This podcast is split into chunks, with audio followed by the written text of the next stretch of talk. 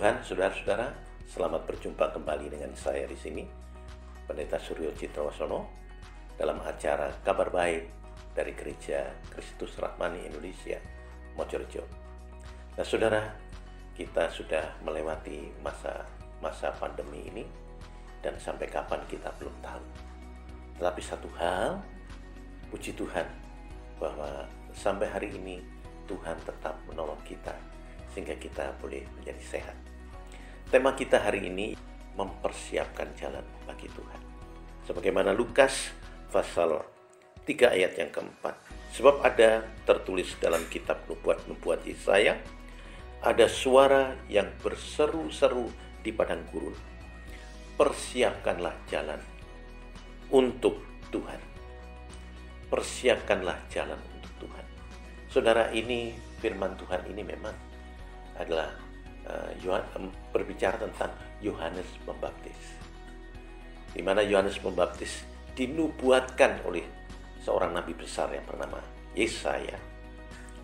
Sehingga Yohanes Pembaptis mempersiapkan jalan untuk kedatangan Tuhan Yesus Kristus yang lahir di kota Bethlehem dan melayani Tuhan setelah itu. Nah, saudara, sebenarnya kita kita adalah orang-orang percaya. Kita juga identik dengan Yohanes Pembaptis. Kalau Yohanes Pembaptis itu mempersiapkan jalan bagi Tuhan Yesus Kristus yang lahir dan menjadi juru selamat bagi manusia. Tetapi kita mempersiapkan kedatangan Tuhan yang kedua kalinya untuk menjemput orang-orang percaya dan mengadili kita semuanya, orang-orang di dunia ini. Nah saudara, oleh karena itu kita saat ini adalah kita bersiap, kita dipakai Tuhan untuk mempersiapkan kedatangannya. Dalam hal mempersiapkan itu kita menantikan kedatangannya. Apa yang dapat kita lakukan?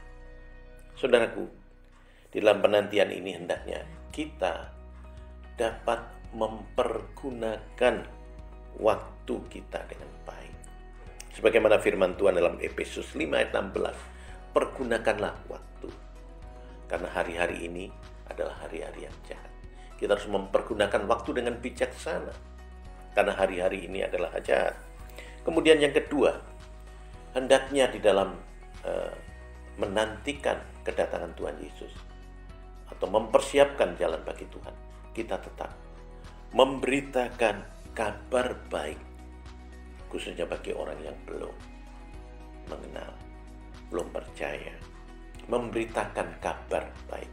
Tugas kita adalah memberitakan tentang keputusan orang menjadi percaya itu adalah pribadi orang tersebut.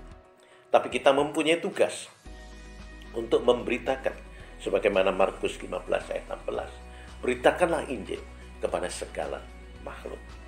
Yang ketiga, di dalam kita menantikan kedatangan Tuhan itu, hendaknya kita memuji dan menyembah Dia. Kita pakai waktu kita untuk memuji dan menyembah Dia. Karena itu membuat iman kita terus bertumbuh. Ketika kita memuji dan menyembah Dia, maka iman kita menjadi bertumbuh. Puji Tuhan, saudara. Dan akhirnya saudara, apa yang kita, dapat kita lakukan sebagai orang percaya, hendaknya kita melayani Tuhan dengan sungguh-sungguh. Hidup ini adalah suatu kesempatan, yaitu kesempatan untuk melayani. Waktu kita masih bisa melayani, kita melayani Tuhan. Kita mendoakan orang lain, kita mendoakan nusa dan bangsa kita, kita mendoakan saudara-saudara kita yang terpuruk itu kita melayani dan kita juga bisa berbagi kasih bagi orang lain yang memerlukannya. Saudara kiranya Tuhan memberkati saudara lewat firman Allah.